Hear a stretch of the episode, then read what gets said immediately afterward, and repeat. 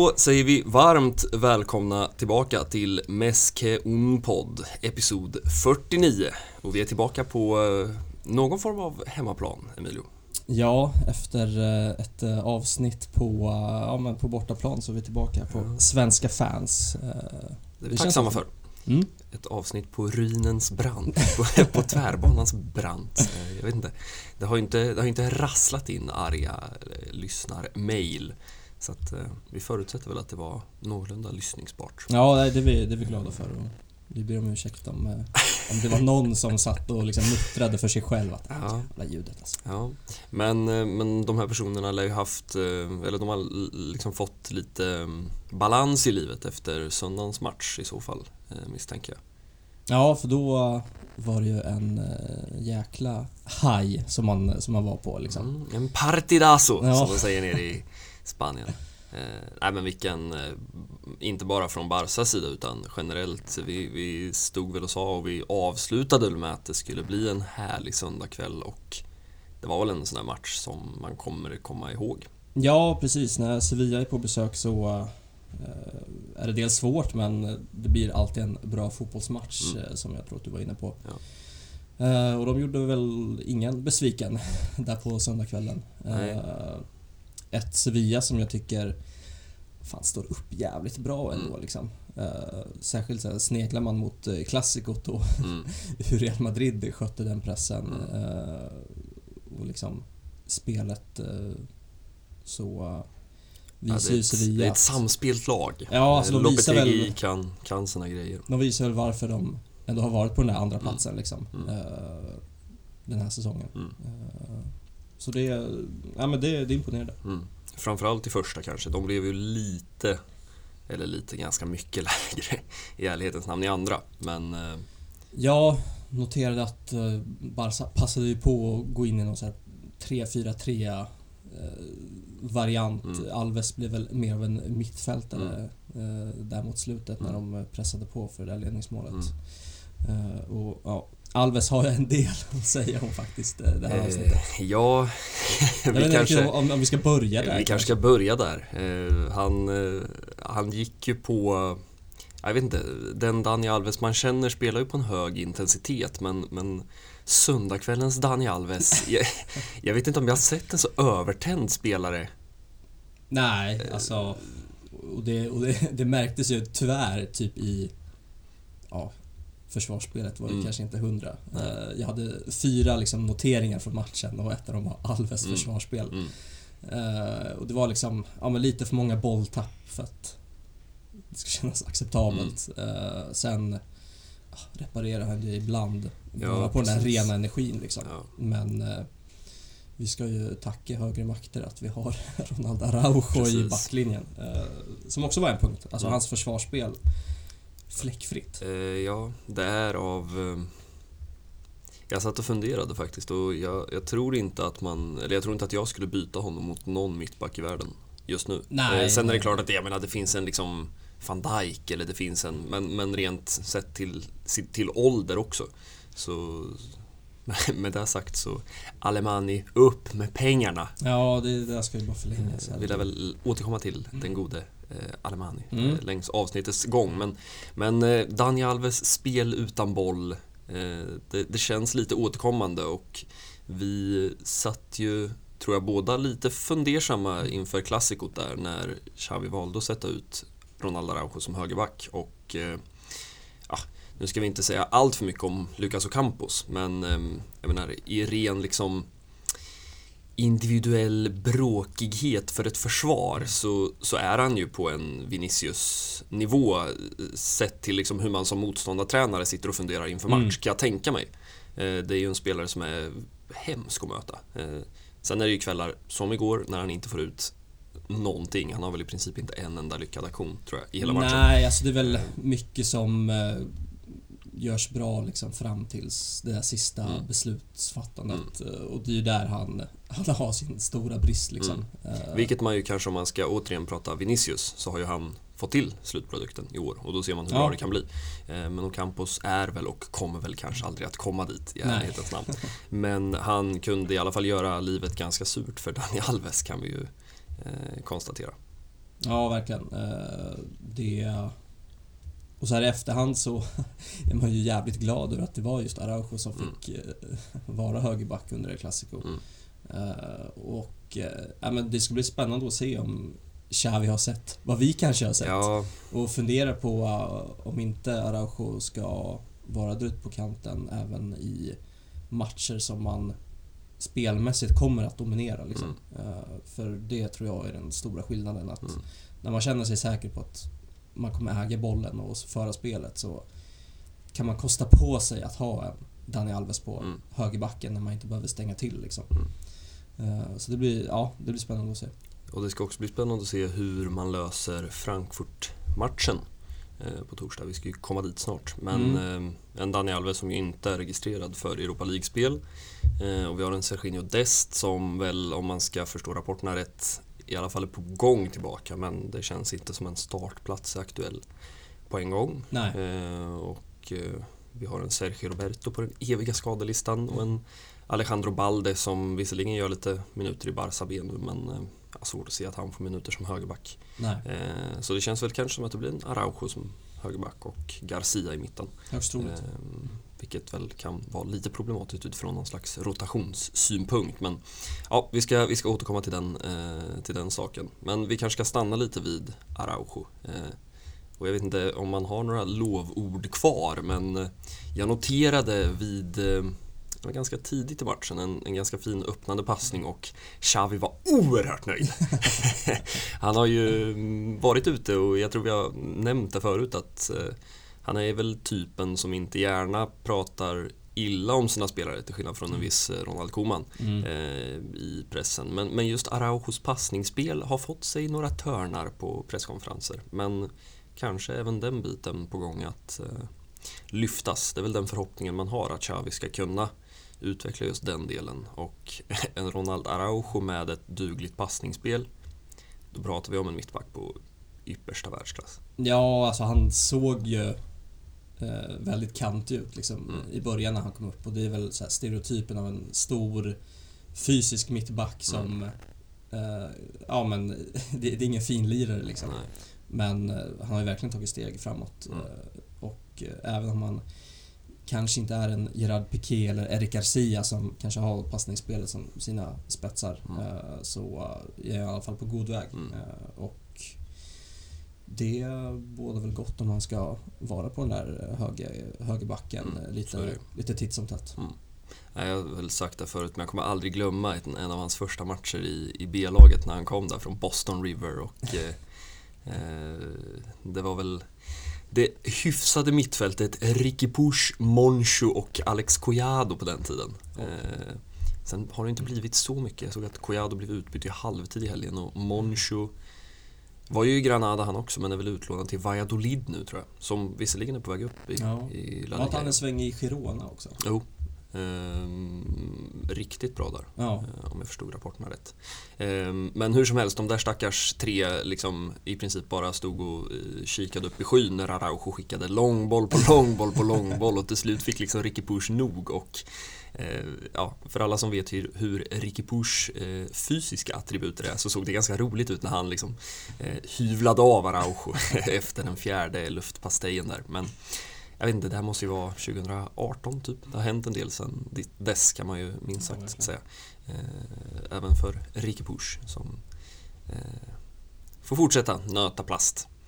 Eh, men vi kanske ska prata om en annan mittfältare eh, som blev matchavgörande och eh, ja, på tal om att hitta superlativ så vet jag inte riktigt vad man ska säga längre. Eh, och det är väl typ det vi har sagt Ja. sen vi började eh, med den här podden. Men Pedri spelar på en nivå som är eh, hisnande. Ja, allt annat som vi har pratat om hittills känns väl som liksom sidospår Eh, jämfört med ja, men just Pedri. Nej men som du säger, jag vet inte vad man ska, vad man ska säga. Uh, tweetsen som... ja, Det känns som att man har en Pedri-tweet liksom förberedd och är Ja. bara att vänta till, tills man trycker ut den liksom. Ja. Och Barcelonas admin fortsätter att må bra. ja, jag noterar att du, jag noterar att du till och med quotade någon eh, tweet där. Ja. eh, Som, eh, ja, nej, de, de, eh, De frodar. De frodar. Ja. Nej, men eh, Pedri eh, avgör ju på, på egen hand liksom Mm. igen och det är väl ytterligare ett tecken på att han är liksom it. Han har, det. han Mm. har liksom den här X-faktorn. Mm. Eh, han är på väg att bli den spelaren som man kan liksom kolla till, eller liksom kolla på, liksom ge bollen och säga Mm. nu nu är det du som måste göra någonting liksom. Eh, och, och så gör han det. Mm. Eh, och Nej, jag vet inte. Oerhört imponerande och de här skottfinterna kanske börjar bli något signum liksom. Ja. Eh, Vi såg ju det i Europa League, var mot... eh, Ja, det var mot Gala va? Just det, på, bortaplan. bortamötet där. Mm. När han liksom... Ja men är hur kylig som helst Mm. och... Eh, var det såg Henok Goitom som var expert där i Mm. Simor så att eh, liksom 9 av 10 skulle skjuta efter den första Mm. skottfinten, inklusive mig själv. Mm.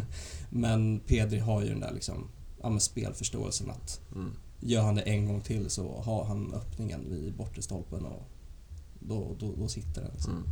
Jag påminner mig lite om, om Neymars agerande vid La Remontada. Mm. Eh, när det är väl Ter Stegen som ska skicka in en boll och så skickar PSG tillbaka den och Neymar får den liksom som sista gubbe. Just det. Bokstavligen sista gubbe. Och alla i världen hade slagit det inlägget på första, förutom Neymar som tar emot den, drar en skottfint och lägger den på Sergio Roberto på bortre och sen fick den snubben en karriär i Barca. Ungefär. Ja, Ehm, Men eh, sidospår. Men det känns väl som att Pedri... Jag menar, man, man såg ju i princip från början och även liksom när man satt och tittade på, på liksom sammandrag från Las Palmas i, Mm. i Segundan den första säsongen. Att det här är en spelare som har en teknisk förmåga som är liksom helt makalös. Eh, Det visste ju alla. ja. Men precis som du säger, att kunna, det känns som att han omsätter det nu till att han står för liksom en, två, tre liksom match, potentiellt matchavgörande aktioner i varje match i princip. Eh, och eh, ja, sky is the limit. ja, Eh, det är väl det som skiljer agnarna från vetet liksom. Ja, jag no- noterade att Therese Strömberg twittrade ut att när vi summerar det här om 20 år så kommer Pedri vara den bästa spelaren någonsin och ja, jag vet inte vad man Nej, ska säga om det. Jag, Jag jag, hoppas ju inte att det är någon mega jinx nu som, har- som har gått ut liksom. Nej, eh, och jag, man ska ju säga att man själv har ju inte jättelångt till de där tweetsen, just till de där momenten, men eh, ja. Eh, vad Leo Messi hade gjort vid 19 års ålder, det är en del det också. Ja. Och vad han har gjort sedan dess, det är en del det också. men ja, herregud. Det känns som att Pedri är väl en sån spelare som Ah, de är ju inte så många, de som gör att man faktiskt går och sätter sig framför TVn. Eh, och det är väl lite svårt att relatera för, för en Barca-supporter men, men jag kan tänka mig som, som Leo Messi också var. Alltså en spelare som får människor att sätta sig ner och titta på en match för att han spelar. Eh, och han är 19 år. Eh, Ja. Eh, Och liksom få den att liksom flyga upp ur soffan liksom. Mm, För... eh, Ja, nej, det, det var svårt att, att sitta ner när han, Mm. när han sätter den här ja, bollen. Alltså. Pedri de mi vida. Eh. Och man, man blir ju inte heller mindre liksom tunnelpedriseende av att höra Marcelo Fernandes kommentera. Eh, han har ett uttal på Berry som är eh, yppersta världsklass. Ja. Och eh, ja, jag vet inte. Vi, vi är väl inte icke-fans av Pedri, men i Marcelos skugga står vi med glädje. Eh, noterade också, på tal om Henok Goitom, eh, bra, skön studioinramning tycker jag. Mm, Eh, det, det, ska de, det, det ska verkligen sägas. Tycker de har lyckats där med Vicky Blomé också, som väl i och för sig är mer Serie A-expert. Men eh, ja, jag gillar ändå Henok. Men eh, vi har väl pratat om den här La Masia-fieringen förut. Och jag noterade eh, på frågan, frågan var väl ungefär så här hur Xavi ser på Pedri. Eh, det är så Just mycket det. beröm, ser han honom i sig själv ungefär? Ja, Ehm, så pratade de om att det är just att det är de egna, att det skulle vara någonting. Och vi ska ju verkligen betona, vilket väl Vicky Blomé också gjorde tror jag. ja hon slängde ut den Ehm, eh, ja. lite snyggt sådär. Ja, och jag vet inte om Goitom inte var medveten eller om han bara inte tänkte på det. Men det värsta tycker jag nästan är när man lanserar Araujo eller kanske Ferran Schutla Ja. som de här La Masia-spelarna. Eh, Det är också den här Dream Team som man kör med. Eh, och sätter dit några, liksom Ricky Push som är eh, fylld 23. Han har väl fyllt 23. Ehm, nej, det måste få ett stopp alltså. Ehm, de får gärna köra på med sina memes. Men nej, Pedri är kanarier. Punkt Ja. slut. Eh, Las Palmas through and through. eh, det är väl David Silvas eh, arvtagare på något sätt. Ja. Eller Pedro, vart är han från? Ja, Han är också kanarier, Ja. men jag tror att han är ifrån, ja nu ska vi ju, Nu- det är väl Kviborg som har koll på det här. Ja, Jag tror det är olika öar där va? Jag, jag tror Ja, att, jag tror att, jag tror att Pedro, eh, Pedri har sina och eh, Pedro har sina. Jag Ja. tror inte att de... Men... eh, men Pedro är från Teneriffa, kan det ja, vara så? kan, det kan Ja. vara så. Fan, det är djupt, djupt eh, medelhavs... Ja, det är väl inte ens medel... Vad fan är det? Atlant, Atlantiskt vatten Ja, här. precis. Nej men, eh, Kanarier som kanarier kanske. Precis. Jag vet inte. an- anekdot om Pedro som för övrigt var på plats och såg Jag såg det. Och Eh, det härlig- rullades ut bilder efter Ja, härlig selfie där. Ja. Han behöll ju alltid sina matchtröjor efteråt eh, för att samla in dem i stora sopsäckar och dela ut dem på ön Det, det, under sommaruppehållet. nej, man gillar ändå det alltså. Ja. Eh, Frågan är om Messi inte har... Man har ju noterat Messis enorma samling där någon gång. Han har ju något rum där han liksom har tapetserat mer eller mindre väggar Ja. och golv och tak med diverse fina namn. Eh, jag misstänker väl att eh, ändå är det Pablo Aymar som sticker ut för Som honom. han Det- högst. Det ska ju vara hans eh, lilla idol. Ja, nu blev det sidospår på sidospår här, men eh, jag vet inte, det behövs väl inte säga så mycket mer om Pedri. Eh, det man kan säga är väl sätt dig ner och titta. Ja, Eh, för att det är en spelare som, ja, vi ska inte, vi ska inte vara Strömbergska här, men eh, det är en fantastisk fotbollsspelare på alla sätt och vis.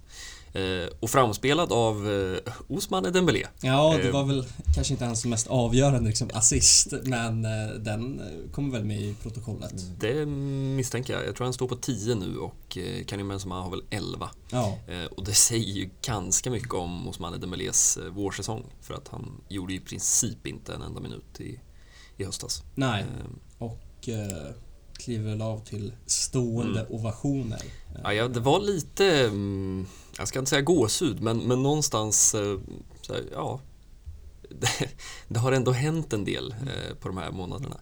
Eh, och det bevisar väl också, jag hoppas verkligen att det är ett bevis för honom själv också. Att så här kan det vara när man gör rätt saker. Eh, Ja, herregud och liksom en aktion förutom assisten som sticker ut är Mm. liksom när Sevilla ska kontra, det är något bolltapp Mm. och liksom Dembélé bara drar en sprint Mm. och eh, liksom glidtacklar ut bollen Ja. eh, och liksom firar som att han har gjort det där målet Ja. själv. Eh, och liksom publiken liksom applåderar och... Mm. Nej, det känns verkligen som att de har, omfamnat honom. Mm. För det här såg man ju inte när... Var det mot Athletic Club hemma? när han Ja, det byts var väl in? na, mot Napoli också tror jag. Fick Ja, han väl en del. Eh, Men jag tror som säger, det var nog en ligamatch före där. Där är liksom busvisslingarna inte, inte väntade när Mm. han eh, skulle komma in. Mm. Eh, nej, men det är kul att se för det förtjänar han ju verkligen. Och Mm. Vi var ju inne på Alemani som verkar lyssna på Meske podd Man hade gillat det på hans liksom så här, På resorna. ja liksom eh, flyger business mellan eh, Barcelona och, inte fan vet jag vart han åker, London har han Ja. varit en, en del. Eh, ja. Mycket tveksamt kanske, vi kanske borde börja dubba den till. Han känns i och för sig mångspråkig om man ska Ja. jobba i den där branschen. Men eh, om man ska tro rapporterna eh, från ganska många håll. Eh, jag såg både Romero och eh, Helena Condis, eh, brukar vara bra källor. Så har han varit i Marocko. Eh, Och vad gör man i Marocko undrar ni? Jo, man träffar Moussa Sissoko. Och då tänker ni, varför har han träffat Moussa Sissoko? Nej, men det är ju inte den Moussa Sissoko. Det är ju Ousmane Dembélés Moussa Sissoko. Eh, Den riktigt fula fisken i det här. I det här, i det här dramat. Om man ska tro Laporta i alla fall. Ehm, Nej men eh, någon typ av, eh, jag tror att han är agent va? Ja. Eller om han bara har någon typ av rådgivare eh, position. Han är, han är ju i alla fall en del av Dembélés stab. Mm. Eh, och eh, det har ju varit ganska tydligt från Barsas håll att eh, men det är ju liksom Dembélé och kompani som måste komma till oss. Ja. Eh, Det erbjudande vi har, det ligger här på bordet och eh, vi, vi har inte mer att ge. Och eh, jag vet inte vad man ska dra för slutsatser, men ett möte är ju ett möte. Ja, om, om det har varit liksom eh, förutsättningarna eh, att det är Dembélé som måste ta det första steget så Mm. känns det väl ändå positivt att Alimani drar över Medelhavet till Marocko liksom. Ja, Eh, precis. Men, nej men Dembélé ska ju ha liksom sagt uttryckligen att han, han vill vara kvar Mm.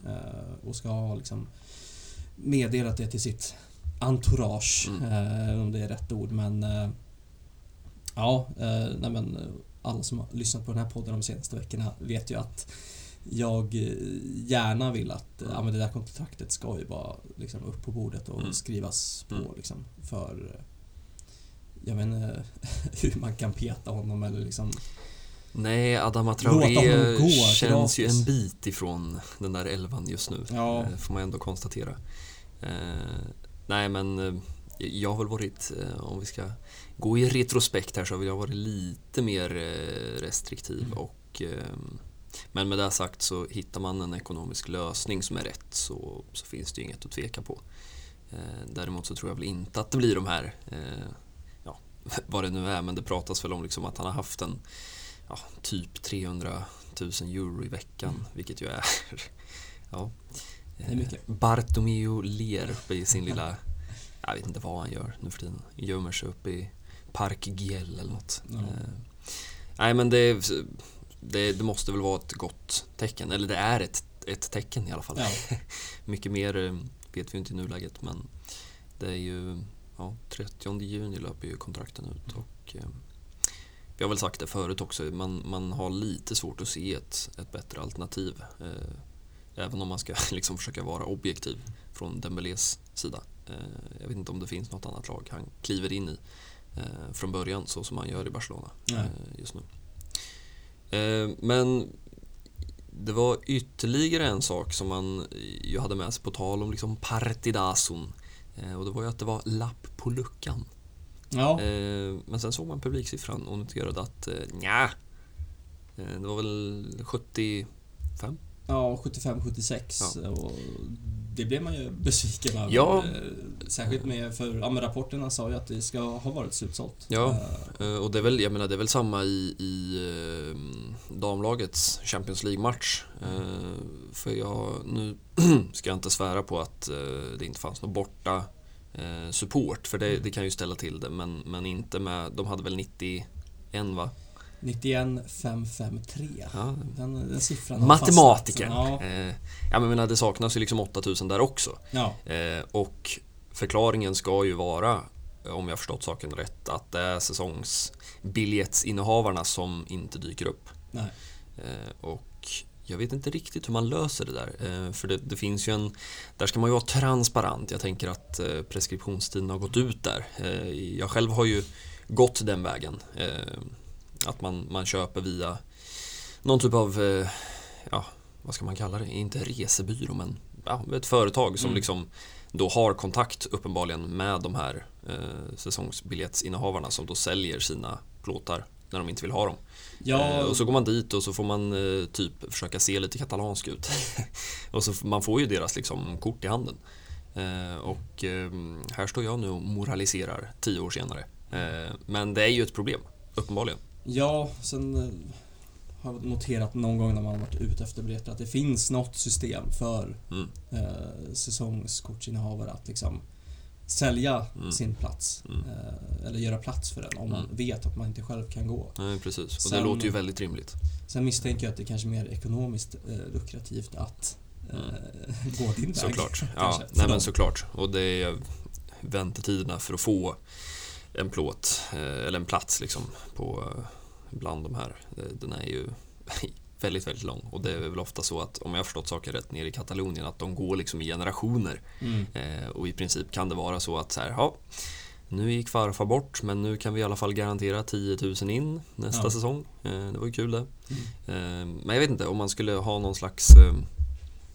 Ja, vi vill ju inte ha någon liksom auktoritet där nere, men, men liksom, jag vet inte om man ska ha någon procentsats man ska gå på matcher eller man ska ha, inte vet jag, på något sätt tuffare ID-kontroller eller ja, någonting. För det är ju summa summarum är det ju trist när liksom Ja, inte vet jag, men var det 75 så säg att det säkert fanns en 5-10 tusen till kanske som hade Ja, köpt åtminstone. biljetter om, om det hade funnits då. Ehm, Men eh, utsålt blev det inte. Mm. Tyvärr. Nej. Eh, Men det blev en fin, en fin match ändå. Ja, Eh, god stämning eh, verkar det ha varit. Ja, eh, jag noterade också efter match att eh, Ivan Rakitic var ju tillbaka på Camp Nou och han lämnade Camp Nou i underkläderna. Ja, Eh, bara, bara fillingarna. Ja, blivit av med både tröja och byxor där nere vid, vid klacken. Eh, fick tydligen ett varmt mottagande förstod jag. Man får ju tyvärr inte se uppvärmningen. Nej, Eh, men vad jag förstått så ska han ha fått en del ovationer. Eh, jag slängde väl ut eh, ett meddelande efter matchen också Mm. att eh, han tackade publiken för att eh, ha fått honom att känna sig som hemma. Mm. Och det är ju det är fina ord liksom. Ja, det, är, det- är ändå en mittfältare som var en otroligt viktig pjäs i en av de bästa liksom, upplagorna vi har sett av, Ja, men det får man ändå säga. av det här Barcelona. 14-15-laget. Som man har en ambivalent relation till. Det var en speciell fotboll. Ja. eh, Med Barca mått mätt. Men eh, ja, man, eh, i, den, i den här nya TikTok-eran, mycket kan man säga om TikTok men får man liksom eh, rätt köl på sina algoritmer eh, så kan man ju hamna där att man ligger och scrollar och så hamnar man i liksom match på match på match på match. Eh, och jag hade någon kväll där, där jag hamnade just i den här 14-15 våren där och Mm. hamnade i olika sammandrag från de här matcherna. Och, ja, det börjar ju liksom bli några år sedan nu och eh, ja, man är ju som man är, man glömmer. Men, men eh, ja, framförallt reagerade jag på hur bra Neymar var. Ja. Alltså herregud. Eh, och även 15-16 har han ju vissa matcher där man Ja, det är så bra så det är eh, Och så ser man hur det blev. Eh, Den där hemska sommaren 2017 eh, Ja. och även vintern 18 när Coutinho kommer. Det, ja, det finns en del att ångra men eh, nu är det väl på rätt eh, köl igen kanske. Ja. För att prata om kölar, köler. Eh, ja, båtkunskap är kanske inte eh, våran USP här. Eh, men vi ska bege oss eh, in i framtiden och lite, ja, ett antal mil norrut till Tyskland och Frankfurt. Där det ska spelas Europa League-fotboll på torsdag kväll. Jajamän. Och eh, det blir ju spännande som alltid. Mm. Eh, jag gillar ju verkligen när man får börja på bortaplan, vilket man inte har fått göra. Nej, Det gjorde man ju Stämmer. varken mot Napoli eller mot Galatasaray. det. Eh, och det brukar väl alltid ses som en, lite av en fördel att Mm. kunna kanske gå på ett resultat på hemmaplan. Mm. Nej, men det ska bli otroligt spännande. Eh, har scrollat igenom Frankfurts matchform och eh, den, Mycket oavgjort. Ja, fyra raka Eh, kryss. Eh, 1-1, 0-0, 1-1, 0-0. Mm. Och eh, man känner väl att det kanske inte är något lag som ska hota när man scrollar igenom den resultatraden. Nej. ehm, ja, såklart svagare än Napoli, Mm. men eh, jag skulle väl någonstans lekmannamässigt uppskatta att det är väl ungefär Galatasaray. Eh, jag skulle misstänka att det här laget sitter ihop lite mer. Eh, Ja. Sen har man ju lite, vi har väl, känns som vi har pratat lite om den här matchen liksom i ganska många veckor nu. Eh, Men man har ju lite liksom individuell kvalitet i, i norrmannen Hauge och Kamada, eh, japanen. Och, Som har väl serben Kostic, Kostic, på, på en kant också. Mm. Och evighetsmaskinen Hasebe. Som, eh, Tror jag vi har omnämnt i tre Ja. raka poddavsnitt nu. Det, det ska han ha. ja, men jag kollade senaste matchen, han, han blev någon form av så här matchens lirare liksom. Okej. Så han verkar ju hålla en, vad är han, 38 bast liksom. Ja. ja, du har tagit det här uppdraget på, på allvar alltså. Ja, ja. Ja, men fan, då vill vi ha en rapport här. ja. Nej men eh, alltså det är Vilken match pratar vi om till att börja med? Eh, senaste ligamatchen. Nu, eh, nu svajar jag re- rejält här, men... Eh, som sagt, de har ju fyra raka kryss och eh, mötte ju i helgen Greuter Fürth. Ah, på. Branne på topp Ja. och Linde i kassan va? det, det stämmer. Ja, fina svenskkopplingen. Ja, svenskkoppling. Ja. Ingen i Frankfurt, tyvärr, Nej, för nej. del. Men, ja, men det blir ju 0-0. Mm. Eh, men eh, han håller ihop det där mittförsvaret eh, ganska väl. Ja. Om man får tro siffrorna. Men... Nej, men vi har ju varit inne på det liksom. Det är, det är ett mittengäng i, Mm. i Bundesliga. Mm. Och, men så här, är det någon match som de ska kunna hota Barcelona så är det väl på just hemmaplan. Mm. Sen får vi se hur Xavi ställer upp. Vi har ju varit inne på den här mittfältskampen Frank, eh, Frenkie de Jong eller Gavi och Mm. det verkar ju som att Frenkie kanske har sin plats i någon form av galaelva. Ja, det var väl kanske något vi redan borde ha pratat om innan vi klev in i Tyskland. Ja. Men, eh, men det stämmer ju eh, i den mån att eh, ja, men han har ju tagit två raka, liksom, det har ju varit två galamatcher. Eh, och ska man prata om den här liksom, taktiska flexibiliteten mellan Dani Alves, Araujo och Eric Garcia så är väl Frenkie och Gavi det är klart att det finns skillnader i ett spelsätt där men det är väl mer alltså, ett rakt val ifrån Xavis sida. Ja, Eh, och eh, såklart så kommer det här liksom eh, takesen från katalansk media om att nu svajar det lite i förhandlingsläget här. Då har Gavi suttit på bänken i två Mm. raka. Eh, men jag noterade att Jordi Cruyff gick ut och sa att eh, det finns 17 spelare som kan starta i Barcelona. Gavi är en av dem. Det här betyder ingenting. Eh, och så satt jag och funderade på vilka 17 det där var. Jag fick liksom inte riktigt ihop alla. Eh, får man ta Galaelvan så har du då Gavi, du har Serginho Dest misstänker jag. Mm. Eh, du har Garcia, eh, Memphis Depay, Adama, Nico Gonzales kanske. Nico Gonzales. Ja. Ja, i och för sig, då är det Hamnat lite 17. i skymundan Ja, de senaste veckorna. det är sant. Eh, Ja, men då är det 17. Ja, vet, det är också ett spännande sätt att liksom, ja, det är ett väldigt ärligt sätt att prata på. Eh, Jag menar, det finns ju eh, i alla fall några lirare. Sen misstänker jag att liksom Ansu Fati får väl inte vara med i den ekvationen. Nej. Men eh, ja, man tänker lite på jag tänker ofta på Martin Brathwaite. Vad gör han nu för tiden? Han kämpar på där vid, vid sidan. Får hoppas att han får en lukrativ flytt i sommar. Ja. Nej men det blir spännande att se mm, liksom elvan på, på, mm, på torsdag. Ehm, Vi ska väl kliva vidare sen till, till söndagen. Ehm, Tacksamt nog så spelar man ju söndag kväll. Eh, Så det är ändå tre dygn. Men eh, det ska ju resas och sådär. Men eh, ja, vi, vi kan väl nästan slå fast en backlinje. Annars så ska han ju liksom hitta på något alldeles, alldeles exceptionellt. Jag vet inte vad det skulle vara. Spela Garcia som högerback och peta in Clément Langlais för att Ja. vrida och vända på det lite. Men ehm, ja, Gavi lär ju spela. Eh, misstänker kanske att en Adama får chansen. Ja, eh, det borde han ju få. Även Memphis Depay kanske. Även Memphis Eh, Depay. Det beror väl lite på hur mycket man väljer att rotera. Det känns väl som att man har ändå Ja, vi, vi, pra, vi, vi tjoade och kimmade i trappen på väg upp här men ehm, nu, nu knyckte ju Real de där tre poängen mot eh, Celta i helgen men jag tror ändå att det finns jag tror att det finns en tro eh, Ja. på det. Eh, att man verkligen ska, ska ja, man ska gå fullt liksom. Eh, man ska man, jag antar att målet är att man ska gå rent resten Ja. eh, och göra det man kan. Alltså vi, Eh. vad är det? Det är 14, 14 matcher nu utan, utan förlust. Ja. Eh, Och det är väl två, tre av dem som är liksom kryssmatcher. Mm. Och nu är man ju på den andra platsen Mm.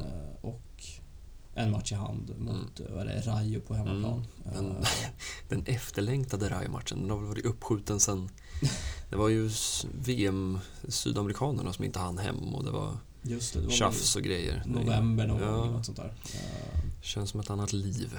Eh, Ja. Men med facit i hand är man ju ganska tacksam för att den spelas nu då. Ja. Känns som att chanserna till en trea där har ökat en del. Ehm, nej men eh, liksom med det sagt så, så är väl frågan hur mycket man väljer att lägga av det här krutet på Europa League. Eh, jag menar man, det är ju något med den här turneringen att man är fortfarande bara framme i kvartsfinal. Mm. Så jag Det är det liksom. Ja men det är liksom fem matcher. Nu visst, man ska ju spela två matcher nu då. Men, men jag menar, ska man hela vägen då är det ändå fem matcher. Sen visst, den här finalen blir fristående. Så låt säga att det är fyra matcher då som ska in i schemat liksom. Ehm, Men det påverkar ju eh, såklart. Ehm, Sen har vi väl pratat om det där tidigare att truppen ska ju klara det. Ehm, Men eh, ja, det ska bli spännande att se om han väljer att rotera. Jag menar, eh, som du sa, en Nico finns ju också. Jag kan tänka mig att man gärna ställer över Busquets om möjligheten finns. Mm. Även om han då vilade ifrån landslaget. Ehm, En Jordi Alba som jag börjar bli lite orolig för. Ja, han... det är många mil i de benen. eh, Ja, och det nu. finns ju ingen, jag vet, jag, ja, jag vet inte varför vi pratar om Liverpool, men eh, jag vet att jag har sagt mycket till, till liksom eh, de Liverpool-kretsar man ibland hamnar i, att så här, eh, när skadorna väl kom för Liverpool, eh, så var det så här, ja men, ja, det är klart att de kommer göra det. Mm. För kan, man kan inte, framför allt inte om man har Jürgen Klopp som tränare, du kan Nej. inte spela liksom 60 matcher per säsong på liksom 14 spelare. Det går inte. Nej. Du, alltså, du kan inte förvänta dig att du ska ha Robertson och Trent utan backup, som ska, Mm. att det ska funka. Eh, och lite där är ju risken med Jordi Alba. Samma sak med Karim Benzema. Mm. Ja, ja vi, vi saknade honom i klassikot. Ja men okej, då, liksom, då blir det 4-0 då för att man saknar en spelare. Eh, och det är farligt det där. Eh, och jag vet inte vem... Alltså Dest har gjort det bra där, men nu är Dest borta och jag vet inte hur många matcher på raken Alba har startat. Eh, jag vet inte om han vågar veta det. Nej, man kanske Eh. inte vill ha den siffran Nej. svart på vitt liksom. Men eh, så är det ju liksom truppmässigt så är det ju den där vänsterbacken och det, Mm. alltså, det, har ju, det är ingen nyhet. Så Nej. har det ju varit de senaste... Alltså, jag vet inte. vilken vänsterback som backup som var liksom... Ja, det var väl Adriano, men han gick ju ner sig något Ja. oerhört på slutet. Lucas Digne, har- Ja. herregud han har ju varit i Barcelona, det Ja. tänker man ju inte på varje dag liksom. Nej. Men det är ju länge sedan man hade en fullgod liksom backup. Ja, alltså det är väl i princip, jag tänker när man varvade på den tiden Erik Abidal, även om han var en del mittback då, Ja. så hade man ju Abidal och Maxwell. Ja, Eh, och Pålitliga var väl. Ja, pålitliga påläggskalven Ja. Maxwell. Eh, nej men det stämmer och jag vet inte riktigt hur det har blivit så. Sen tittar man på högerbacksplatsen så är väl inte det roligare i och för sig. Ehm, men ja, man har haft problem tror jag. Hitta de där riktigt. Det är svårt också. För jag menar det är klart, Jordi Alba kan ju spela. I princip, inte vet jag, 80-85% av matcherna. Ja, Eh, och han har ju varit en, en sån jäkla fullträff liksom. Mm. Så det har ju inte funnits någon anledning att liksom Nej. Behöva fundera på, Nej. på den här vänsterbacken. Men eh, verkligheten eh, kommer ju, kommer ju ikapp en så Ja, det småningom. blir ju så. Eh, och det är klart, vi har ju Balde där bakom som ju är tillbaka och eh, vi noterar att, ska vi väl sticka in det sidospåret nu, att Barça B tog eh, tredje raka trean. Mm. Eh, Ferran Schutkla kan inte sluta göra mål. Eh, stängt in, jag såg första halvlek, eh, men det borde jag inte ha gjort för det var inte så roligt. eh, men eh, andra var ju desto roligare. De vände ju på steken sista, ja, jag tror Peke, lite bortglömda Peke. Mm. Eh, kvitterar väl i 85 eller något och Schutkla öste in en straffspark sen på Mm. typ matchens sista spark och eh, Sergio Barjuan eh, sitter säkrare än någonsin och Ja, Laporta gnuggar händerna. Eh, ÖCB kollar uppåt i tabellen nu alltså. jag tog faktiskt jag tog mig an den där tabellen och noterade att det skiljer sju poäng ifrån nedflyttningsplats till uppåt kval. Eh. Och det är så man vill ha det. Ja. Ehm, ja, men sidospår. Nu känns det som det har blivit sidospår på sidospår på sidospår. Ehm, men om man ska försöka ge sig på en, en eh, elva då eh, så har vi väl backlinjen på plats. Eh, sen vet jag inte om, om, om det blir Frenkie de Jong som ja, möjligtvis Frenkie Gavi Nico då kanske. Ja, om vi ska Eh. våga oss på liksom att Busquets får, får den här vilan. Mm. Liksom, han har ju vilats i uh, Europa League innan Mm. liksom. Uh, var hemma mot Galatasaray. Sen såg det ju så uselt ut i den där första halvleken att han fick, han fick ju komma in i Ja. andra och liksom försöka rädda upp det. Ja. Eh, Men uh, ja, som sagt, om det är någon gång man ska gambla lite så är det väl eh, borta mot eh, just Frankfurt. Mm. Eh, men eh, ja, i så fall skulle det väl bli en uh, Frenkie, Nico Gavi liksom. Mm. Ja, jag misstänker att man gärna ställer Pedri i en match Ja. också. Sen som sagt, det, det, kan, bli, det kan bli en galaelva. alltså, Mycket möjligt. eh, för att liksom, Mm. nu finns det momentum här. Men eh, det rimliga känns väl ändå, sen kanske man inte behöver rotera på varenda position. Men eh, eh, jag vet inte vad man ska tro i, i anfallet. Om det ska bli Ferran, Memphis och eh, Adama Traoré då kanske. Ja, Eh, det skulle jag säga. och då blir det spännande att se hur man spelar, om man spelar Memphis som nia eller Ferran som nia. Eh, Eller slänger in Martin Brathwaite.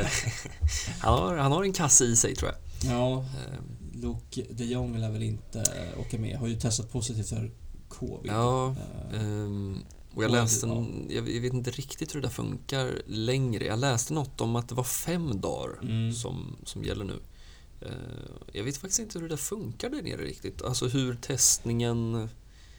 För jag misstänker ju att det har tagits ett och annat test liksom under den här liksom hösten och våren. ja, Ehm, Men jag vet inte hur det funkar längre, om spelarna fortfarande genomgår...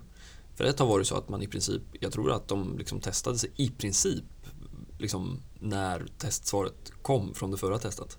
ja, Ehm, det var väl typ eh, Sergio Roberto där under typ Mm. försäsongen som gick ut med att han hade testat sig själv typ så här 27 gånger Ja. liksom på, på någon veckas Ja. tid och det är ja, det är helt Ja, nej, man kan ju ifrågasätta en rimlighet i det, men ehm, nej, jag, jag vet faktiskt inte riktigt hur det, hur det funkar. Men eh, med det sagt så lär väl Luke covidfri eller inte eh, knappast vara aktuell för en Nej. startplats. Va? Nej, nej, nej, verkligen Ehm, inte. Det blir... ehm, ja, jag vet inte, vi kan ju inte bygga upp det här på samma sätt som Sevilla-matchen. Ehm, Men eh, jag har varit lite, jag vet vi pratade ändå sen, sen lottningen liksom att ehm, ja, hoppas det blir bra tryck liksom och ehm, ja, det kan bli en flängig match i alla fall tror jag. Ja, den, Eh. herregud, just nu är det ju alltid roligt att kolla på Barca liksom. Ja. Det trodde, liksom, trodde man inte att man skulle säga för några månader sedan bara, men eh, Här är vi. Ja, här är vi. Nej, men det blir ju kul oavsett vem som spelar liksom. Mm. Eh, Så nej, men det blir spännande att se hur Xavi värderar liksom, riskerna eh, Ja, nu. Eh, För du sa på söndag så är det ju liksom ligan igen och Ja, precis. Är det, är det något slags, eh, på tal om liksom flängigt, så är det väl Spaniens flängigaste lag eh, Ja. man ställs inför. Eh, Levante som, som tog tre pinnar i helgen. Eh, El Comandante Morales med två mål. Eh, Ja. Känns väl som att är det någon som ska rädda det där skeppet så, så är det väl han. Eh, nu har de ju, ja, hade de inte vunnit då hade det varit nästan i, klart tror jag. Men de har väl sex poäng upp till Cadiz tror jag på säker mark. Precis. Det är väl Levante, Alaves och Mallorca under strecket nu va? stämmer. Och får man välja så väljer nog jag Levante i alla fall, av de fyra. Ja, Eh, Man gillar dem ju ändå.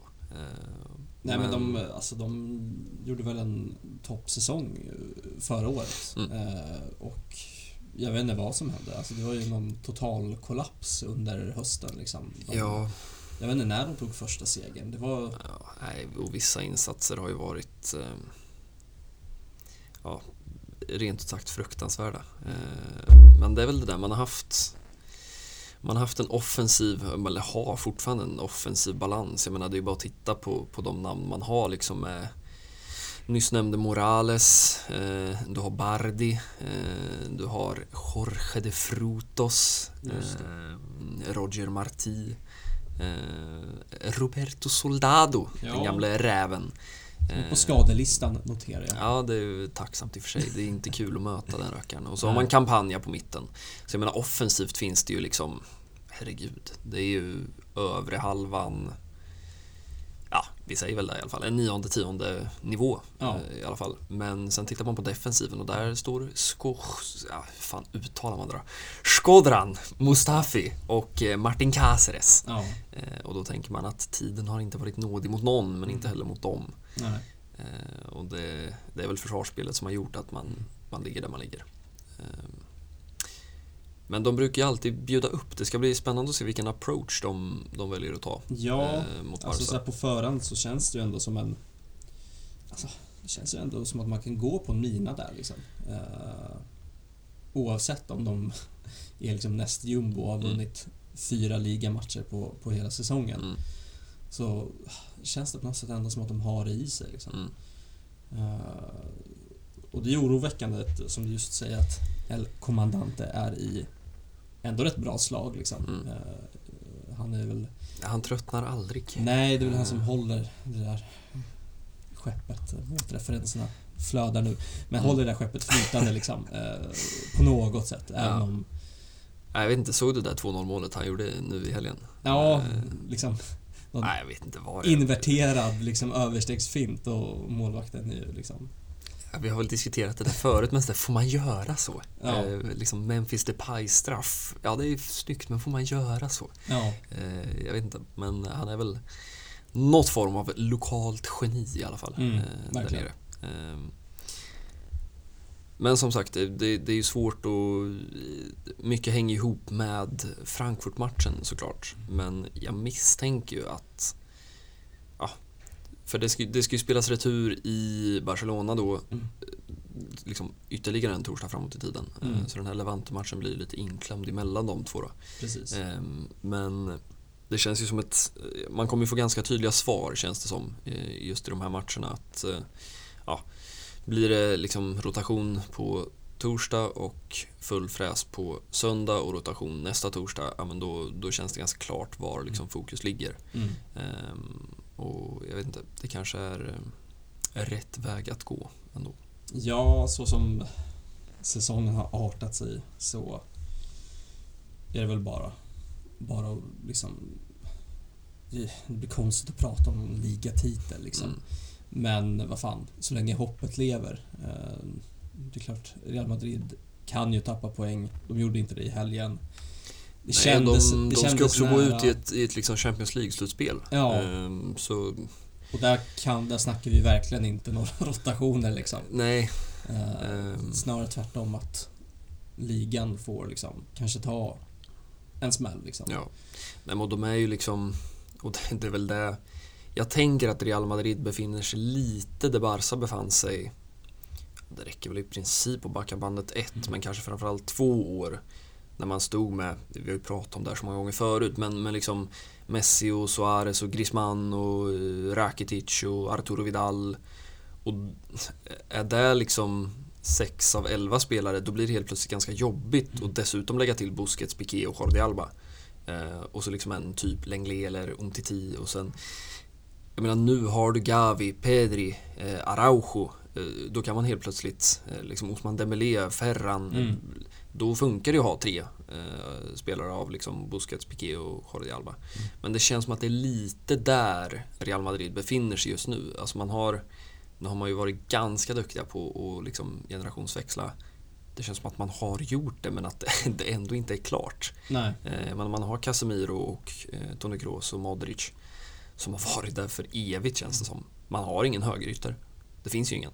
Nej. Eh, alltså Asensio är väl liksom, det är väl yttrarnas Sergio Roberto på något sätt. Ja. Eh, och så har man Karim Benzema och Carvajal eh, hade ju också ganska jobbigt på, på liksom den yppersta nivån såg man ju Mm. mot, mot PSG.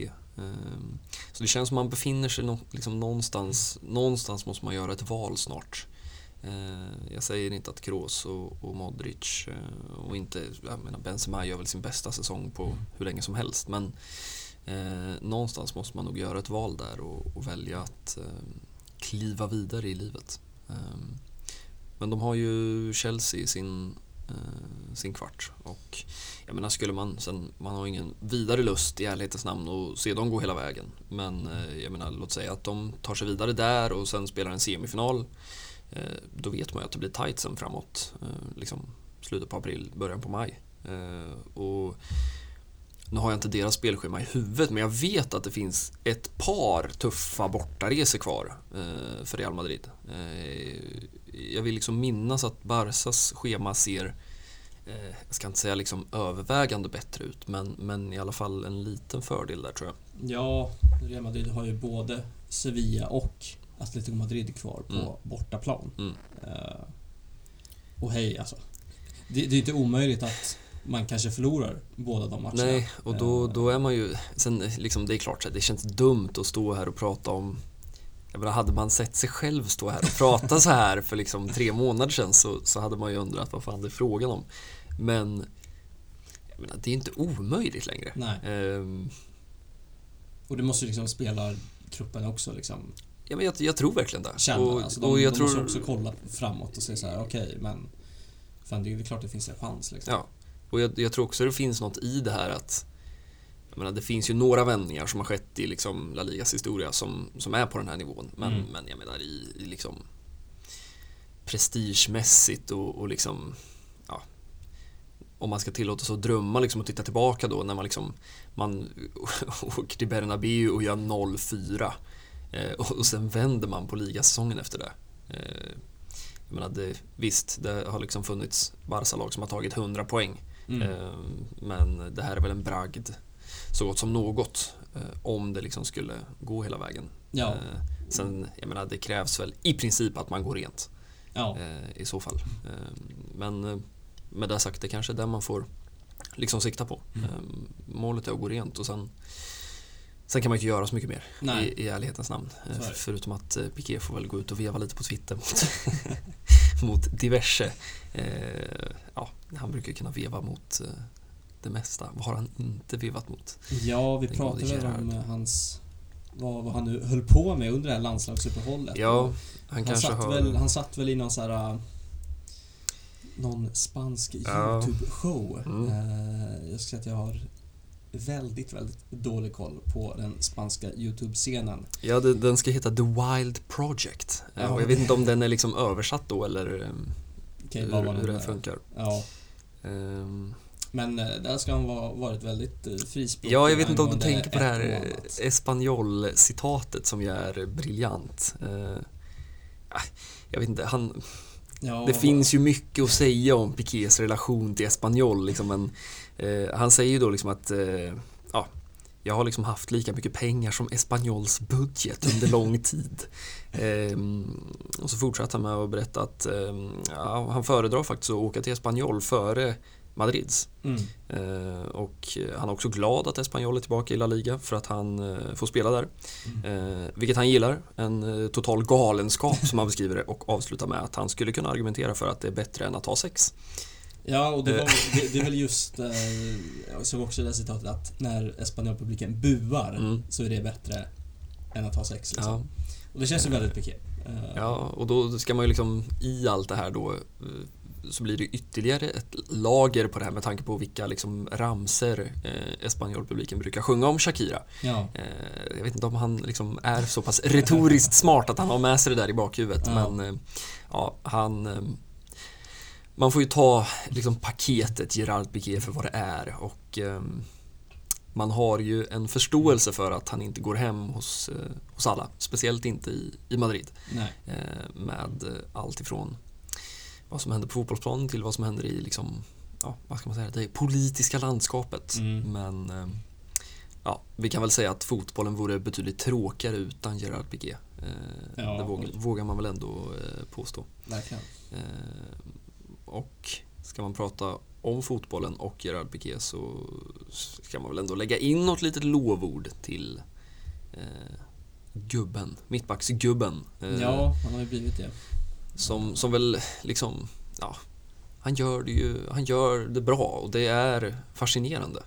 Eh, det är väl någon typ av vändning på den där karriären. Ja, Eh. verkligen. Eh, när ska den ha kommit? Ja, men det är väl alltså Xavis intåg, det är alltid Mm. lätt att peka på det liksom. Mm. Men eh, har ju haft en eh, otrolig liksom säsong nu Mm. eh, med Xavi på bänken. Mm. Eh, och man gillar ju att eh, den cyniska sidan fortfarande finns där. Mm. Eh, jag tror vi alla noterade det gula kortet han drog Ja, i den är... Eh, 85 eller liknande och man tänkte aj, aj, aj, kan domaren dra, dra det röda? jag trodde att han hade ett gult. För han har ju Ja. en i första halvlek, den här när han liksom, jag vet inte, det, det är en... Få spelare glider så bra på rygg som Ja, Gerard det. Piqué.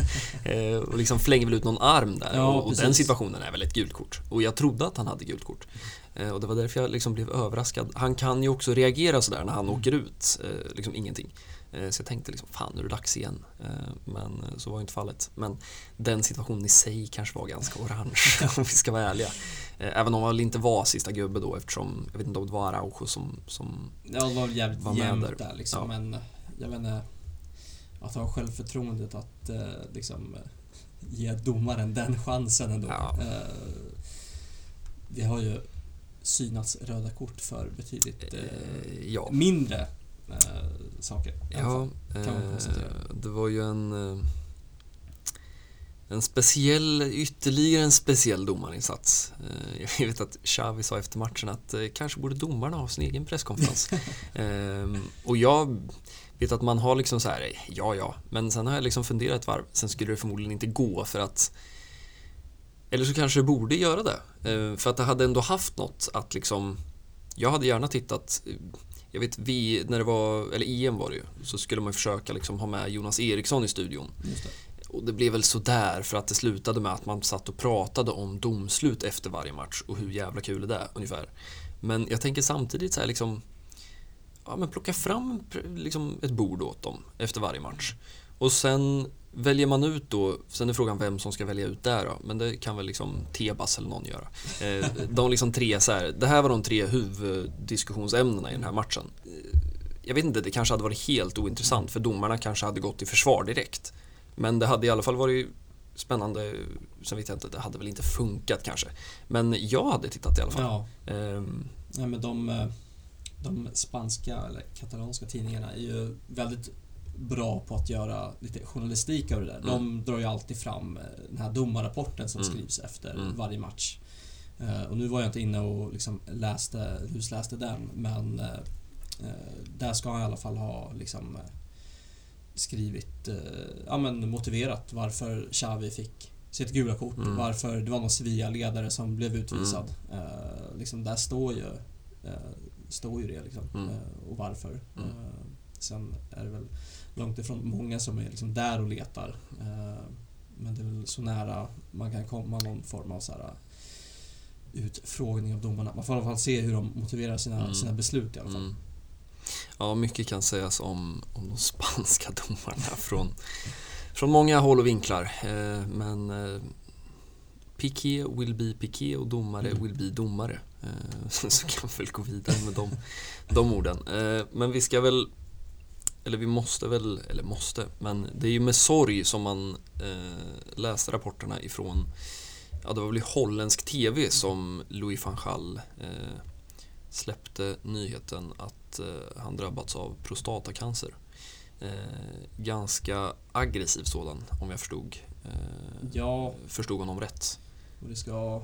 Han ska väl ha fått eh, strålbehandling under, under en längre tid och Mm. liksom eh, eh, döljt det för eh, ja, men i princip alla förutom sin närmaste krets. Mm. Eh, han ska ha åkt till liksom, gått in genom någon bakdörr till sjukhuset under eh, de holländska liksom, landslagssamlingarna eh, för att få strålbehandling och Mm. sen liksom, komma tillbaka och, och, och leda laget nästa liksom, morgon. Mm. Och, och det är ju- det är ju inte ja. alls någon rolig läsning. Nej, och det liksom... Ja, det blir väl svårt att liksom prata runt det liksom, men, men någonstans så, så ringar det väl in liksom vem Louis van Gaal är. Och någonstans tycker jag ändå man måste kunna liksom prata om att det är ändå intressant hur sånt där liksom... Ja, jag tänker man, man tänker att det liksom finns posörer överallt, liksom, oavsett om det är inom fotbollen eller oavsett inom liksom kretsen offentliga personer. Mm. Men, men det känns som att Louis van Gaal, han har alltid varit liksom öppen och ärlig och transparent. Mm. Eh, sen har det gått åt helvete ibland. eh, men eh, ja, jag tycker ändå att det här speglar någonting i att eh, oavsett om det handlar om en presskonferens där han ska sitta och berätta vad han tycker om holländsk fotboll eller om Qatar eh, eller om att han har haft eller har cancer så, eh, ja, så gör han det på ett ärligt och uppriktigt sätt. Eh, och Ja, jag vet inte. Han kanske får... Sen blir det alltid, det är alltid en problematik i liksom det här att ja, nu står vi här och nu ska vi hylla honom för att han har cancer ungefär. Mm. Ehm, men ja, det tåls ju ändå att nämnas att eh, liksom, om vi tillåter oss att ta på oss Barcelona-glasögonen så, så finns det ju en generation spelare som kanske hade kommit fram ändå för att de var så pass bra. Men eh, han fick ju inte lite skit för sin sejour. Ehm, Men släppte också fram spelare som ja, den här lite äldre La Masia-generationen med Carles Puyol kanske framförallt och, och även en Xavi. Mm. Ehm, Och eh, ja, man kan väl inte göra annat än att hoppas på ett eh, tillfrisknande ehm, framöver.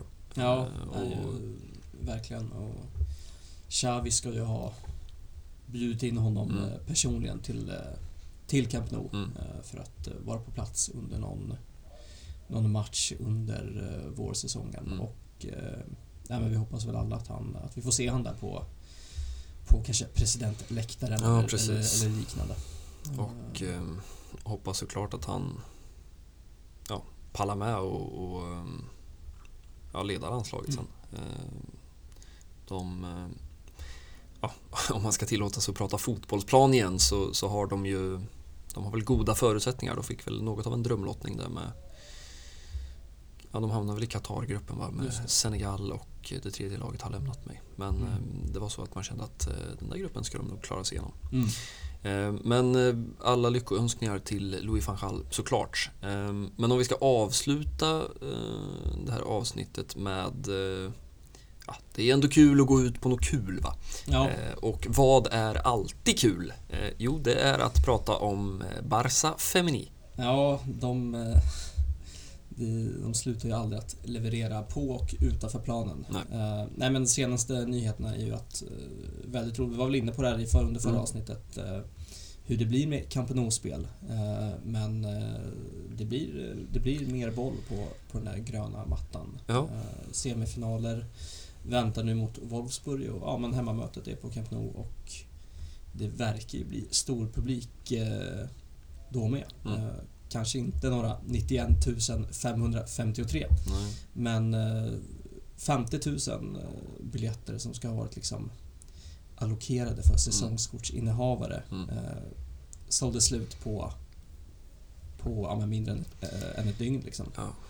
Och det bådar ju gott. Mm. Eh, jag tror att eh, eh, semifinalen spelas eh, ja, lite senare nu under april eh, Mm. månad. Eh, Mm. och eh, det otroligt eh, kul att se. Mm. Ja, vi pratade väl eh, ganska mycket om det där förra veckan. Liksom, eh, damfotbollens framfart och hur man ska förhålla sig till det där. Och, eh, nu har inte jag exakt kollat schemat, vilket jag borde ha gjort. Eh, men jag vill minnas att liksom, det fanns liksom en risk för krock.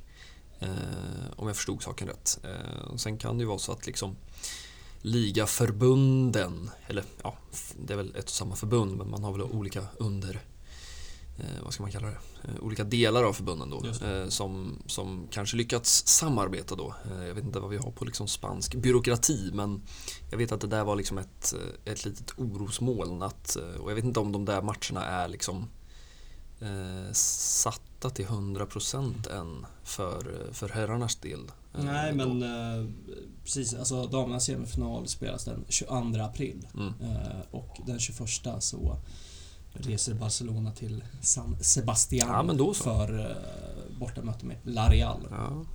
ja, då så. Eh, och sen har man nästa hemmamatch eh, söndagen därpå, den 24. Eh, Då hinner de frisera gräset tills Ja. dess.